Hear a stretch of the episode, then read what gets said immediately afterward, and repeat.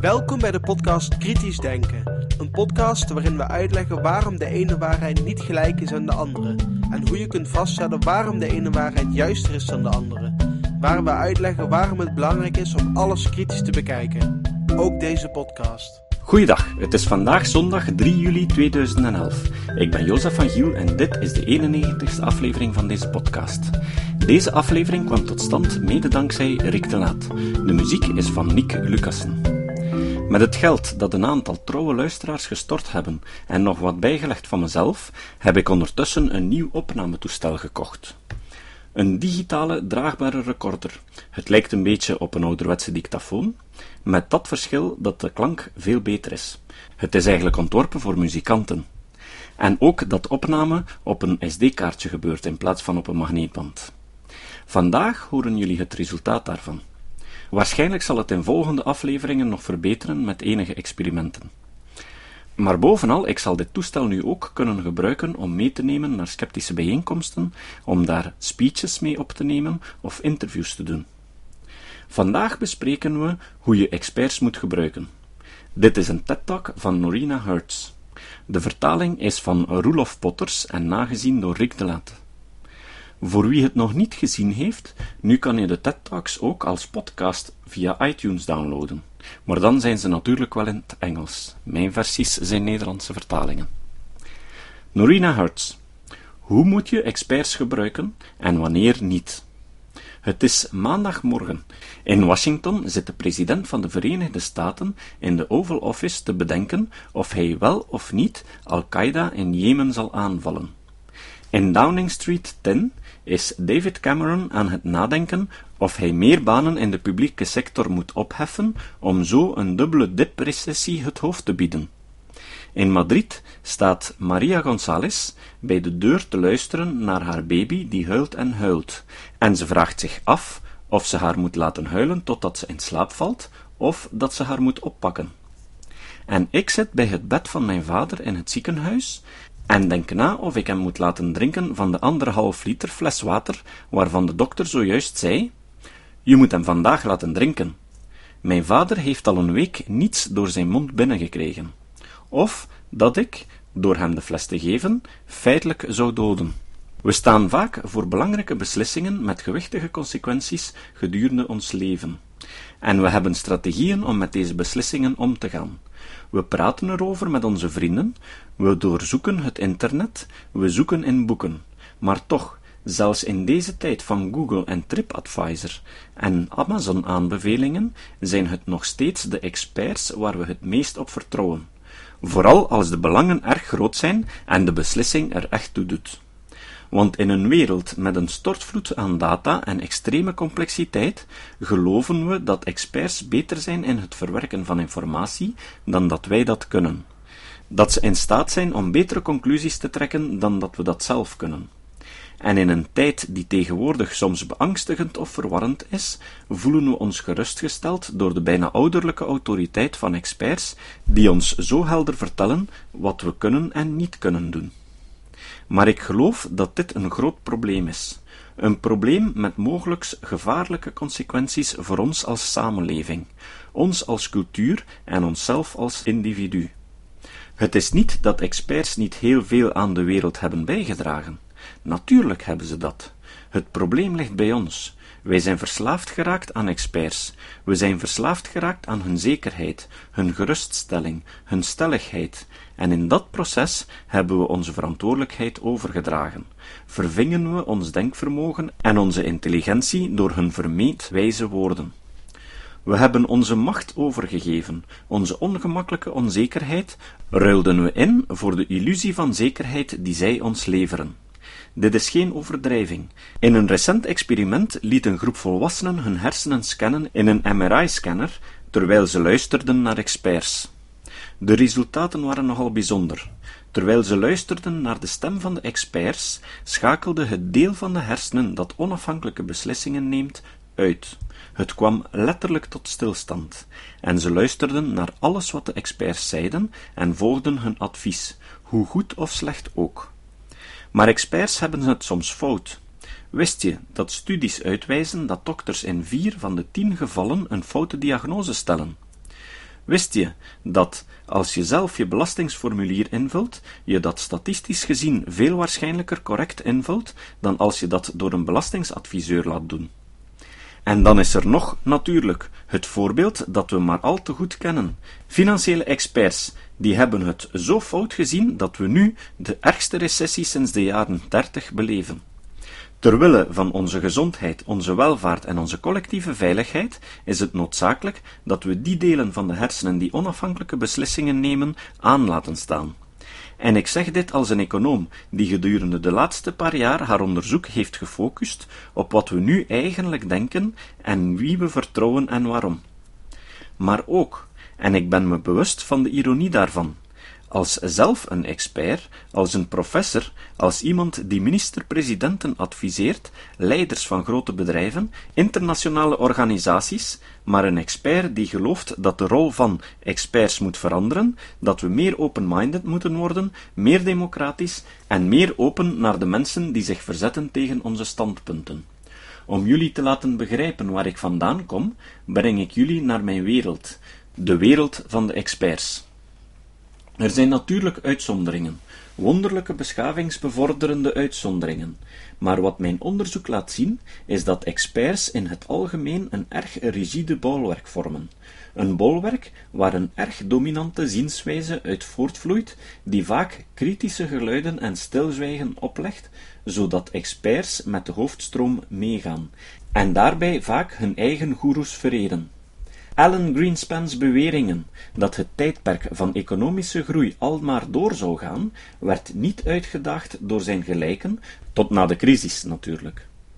Kijk, we leren ook dat experts hun plek krijgen, geleid worden door de sociale en culturele normen van hun tijd, of het nou dokters waren uit Victoriaans Engeland bijvoorbeeld, die vrouwen naar het gesticht stuurden omdat ze hun seksuele verlangens uiten, of de psychiaters in de Verenigde Staten die tot en met 1973 nog steeds homoseksualiteit als een mentale ziekte categoriseerden.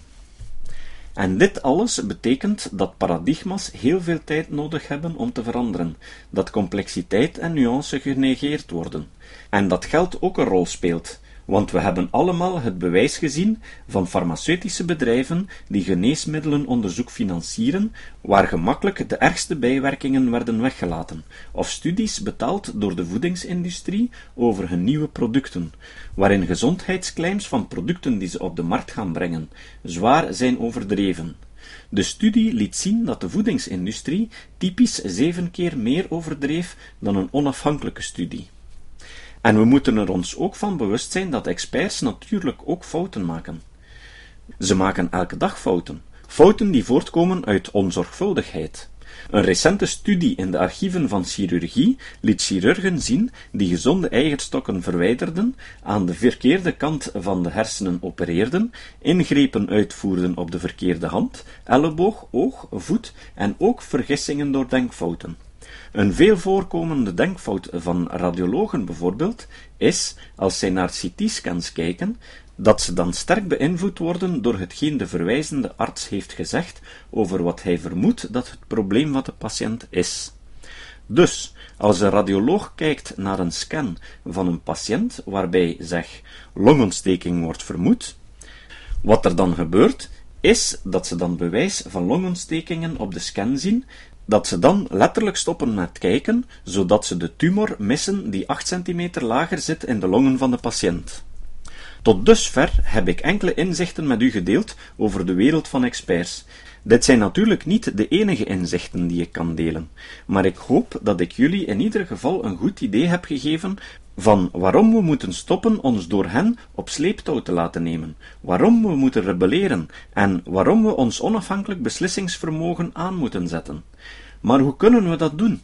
Vanwege de resterende tijd zal ik aandacht geven aan drie strategieën.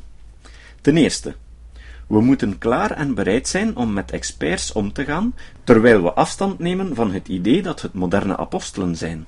Dit betekent niet dat je een doktersgraad moet hebben in ieder vakgebied. Je bent vast blij dat te horen, maar het betekent wel dat we moeten volhouden tegenover hun onvermijdelijke dikdoenerij, als bijvoorbeeld we willen dat ze ons iets uitleggen in een taal die we ook echt begrijpen. Waarom, zei mijn dokter me, toen ik een operatie had ondergaan. Pas op, mevrouw Hertz, voor hyperpyrexie, terwijl hij net zo gemakkelijk had kunnen zeggen dat ik moest oppassen voor hoge koorts. Zie je, klaar zijn om met experts om te gaan gaat over bereidheid om achter hun grafieken te kijken, hun vergelijkingen, hun voorspellingen, hun profetieën en gewapend zijn met vragen om dat te kunnen doen. Vragen als: wat zijn de veronderstellingen die dit onderbouwen? Op welk bewijs is dit gebaseerd? Wat was de focus van uw onderzoek? Wat heeft het gegenereerd?